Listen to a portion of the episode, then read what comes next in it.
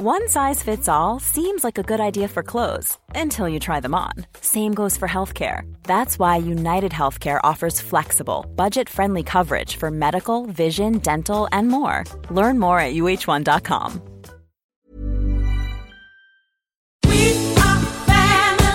good time starts with a great wardrobe. Next stop, JCPenney. Family get togethers to fancy occasions, wedding season too. We do it all in style dresses, suiting, and plenty of color to play with. Get fixed up with brands like Liz Claiborne, Worthington, Stafford, and J. Farrar. Oh, and thereabouts for kids. Super cute and extra affordable. Check out the latest in store, and we're never short on options at jcp.com. All dressed up, everywhere to go. JCPenney.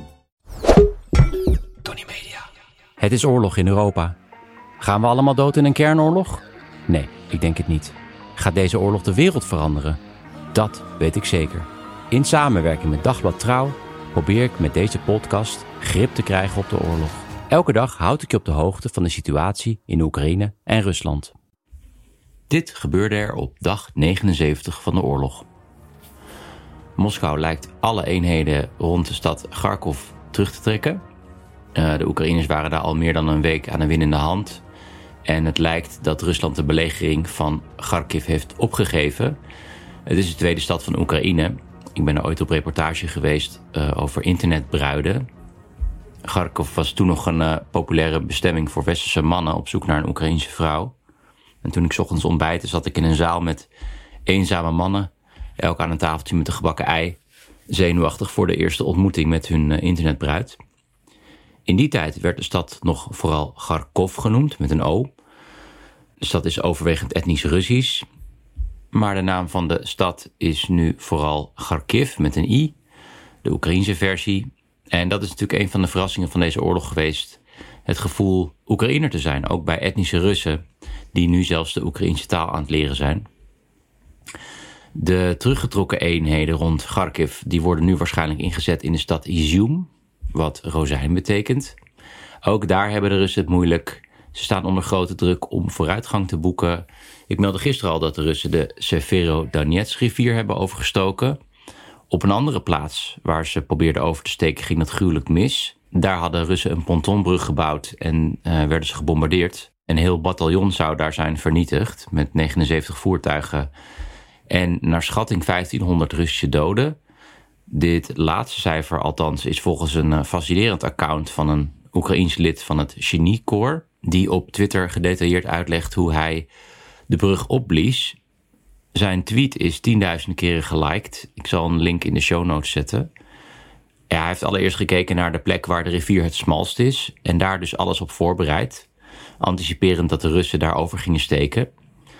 Het is heel interessant trouwens dat hij het allemaal uitlegt op Twitter, maar ook een beetje onbegrijpelijk dat je zoveel militaire geheimen uit de doeken doet. Uh, hij laat ook een foto van zijn spullen zien. Uh, ja, die zijn compact en goedkoop. Dat is eigenlijk een drone, een rangefinder, explosieven, snoep en sigaretten. En dit is eigenlijk het verhaal van deze hele oorlog in het klein. Russen die met groot en log materieel oorlog voeren zonder al te veel strategie.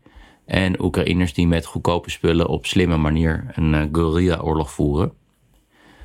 Het gebrek aan computerchips zal steeds meer parten spelen in deze oorlog. Ik meldde eerder al dat een Russische tankfabriek en een fabriek die bukraketten maakt is uh, stilgelegd vanwege de exportstop van westerse elektronica.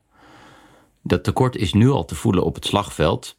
Uh, de Amerikaanse krant Washington Post meldt dat het Oekraïnse leger regelmatig wapentuig en voertuigen tegenkomen waar computerchips zijn ingebouwd die afkomstig zijn uit koelkasten en afwasmachines. Vandaar dat Russische soldaten de hele tijd wasmachines stelen, grapte al een Rus op Twitter. Verder zijn er in Rusland opnieuw recruteringscentra voor dienstplichtige soldaten in brand gestoken. Ik hou intussen de tel niet meer bij, het zullen er ja, iets van tien zijn. In Omsk en Balashiga werden molotovcocktails gegooid in de stad Tjerepovets mislukte de aanslag. Daar werden twee 16-jarigen opgepakt. Ja, de angst bestaat nog steeds dat Poetin het land mobiliseert en mannen gedwongen naar Oekraïne moeten om daar te vechten. En dat zou dan via dit soort centra gaan. Gaan we nu door naar de Russische media. Die mobilisatie zou wel eens nodig kunnen zijn, want veel soldaten die eerder bij Kiev vochten en daarna teruggetrokken zijn naar Rusland, die willen nu niet meer vechten in Oekraïne. De bedoeling is dat ze weer de grens oversteken om verder te vechten in de Donbass. Maar heel veel van die soldaten die weigeren. Volgens de Russische dienst van de BBC hebben tussen de 20 en de 40 procent van de soldaten geweigerd om verder te vechten. En dat is een groot probleem voor het Kremlin natuurlijk, gecombineerd met het astronomische aantal doden en gewonden. Die BBC-Russische dienst die sprak met een van die soldaten, de elektricien Sergei Bokov, 21 jaar oud. Hij ging in het leger om de dienstplicht te ontwijken. Als dienstplichtige ben je vaak het slachtoffer van verschrikkelijke ontgroeningen.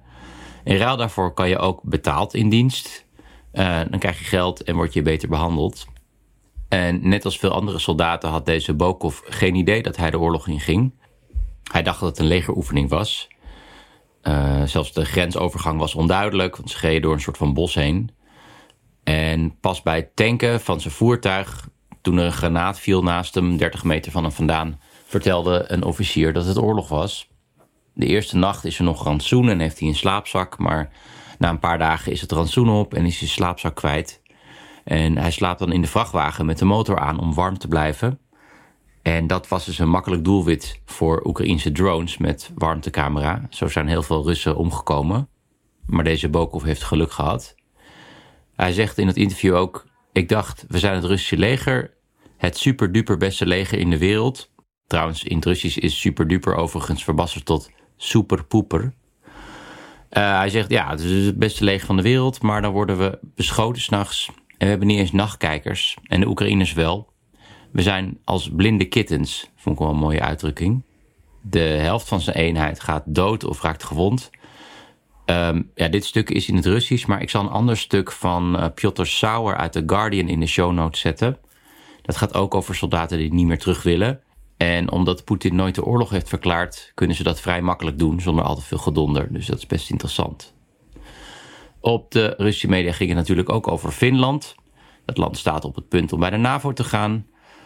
Officials, Russische officials, die dreigden om de gaskraan van Finland dicht te draaien. De Russische zender NTV toonde de Russische gezant bij de Verenigde Naties die niet uit kon sluiten dat Finland nu doelwit zou worden van Rusland. Ook gespeculeerd werd er op tv over de inname van het eiland Gotland in de Baltische Zee.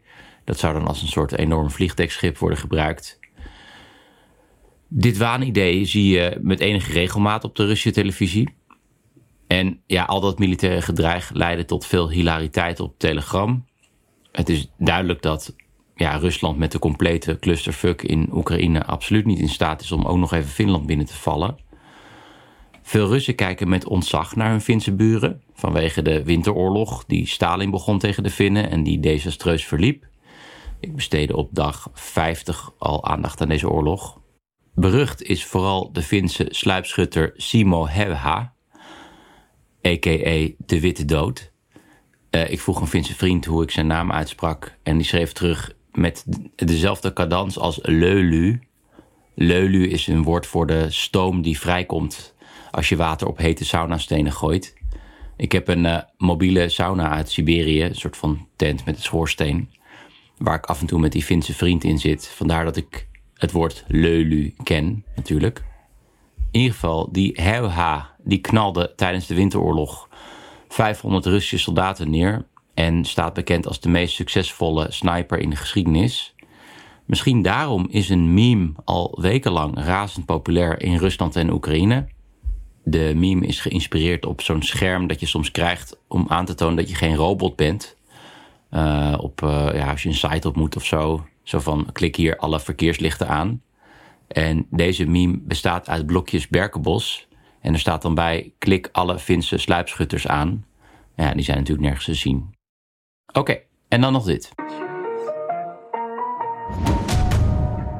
Het is vrijdag, dus tijd voor wat losse eindjes en kijktips. Uh, een los eindje. Gisteren had ik het over Groot-Brittannië die de veiligheid van Finland garandeert in geval van een invasie van Rusland.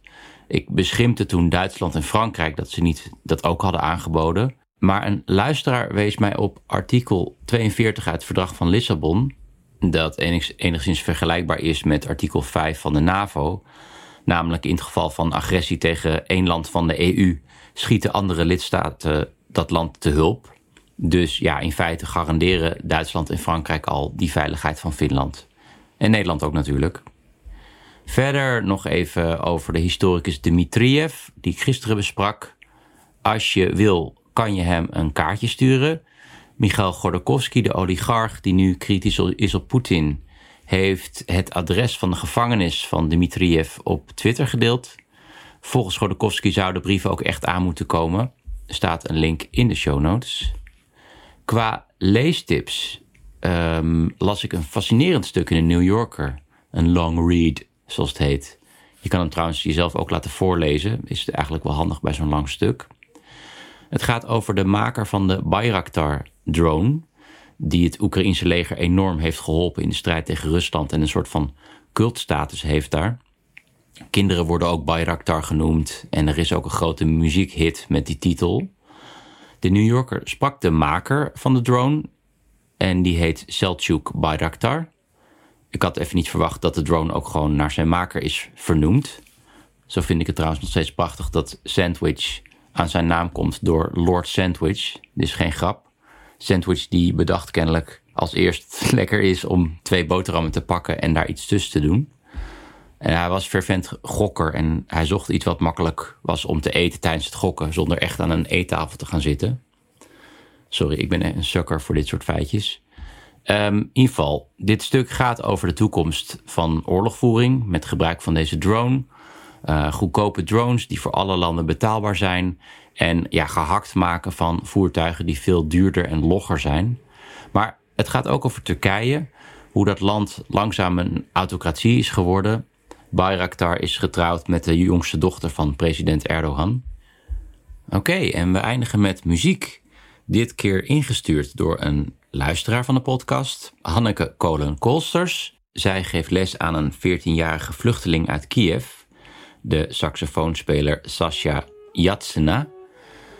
Uh, Yatsina speelt een stuk van de Oekraïense componist Miroslav Skorik, die net als veel andere Oekraïners door Stalin is gedeporteerd naar Siberië, waar hij zijn jeugd doorbracht. Het is een van de grote componisten van Oekraïne. Je gaat luisteren naar het thema uit de Sovjetfilm De Bergpas. Ik wens jullie een fijn weekend. Misschien kijken jullie dan naar de finale van het Eurovisie Songfestival. Weet dan dat de presentator van de Oekraïnse tv, de Oekraïense Cornel Maas als het ware, uitzendt vanuit een bunker in Kiev, zodat zelfs een eventueel luchtalarm of bombardement hem niet kan stoppen. Ik ben er maandag weer. Tot dan. Dit was een productie van Tony Media en Dagblad Trouw. Voor meer verdieping ga naar trouw.nl. Ik heb geen idee waar je naar geluisterd hebt, maar misschien een goede tip om nog meer tijd te vermorsen. Luister eens een keer naar de Snopcast, waarin ik, Jort Kelder en mijn goede vriend Ivo van Rechteren Altena alles bespreken wat het leven draaglijk maakt zonder enig praktisch nut. Met uiterst overbodige snobjecten als ja, een machientje om je tandpasta uit te rollen, een ski natuurlijk van Bentley of een Kashmir springtouw. Jazeker, de Snopcast. Omdat je het waard bent.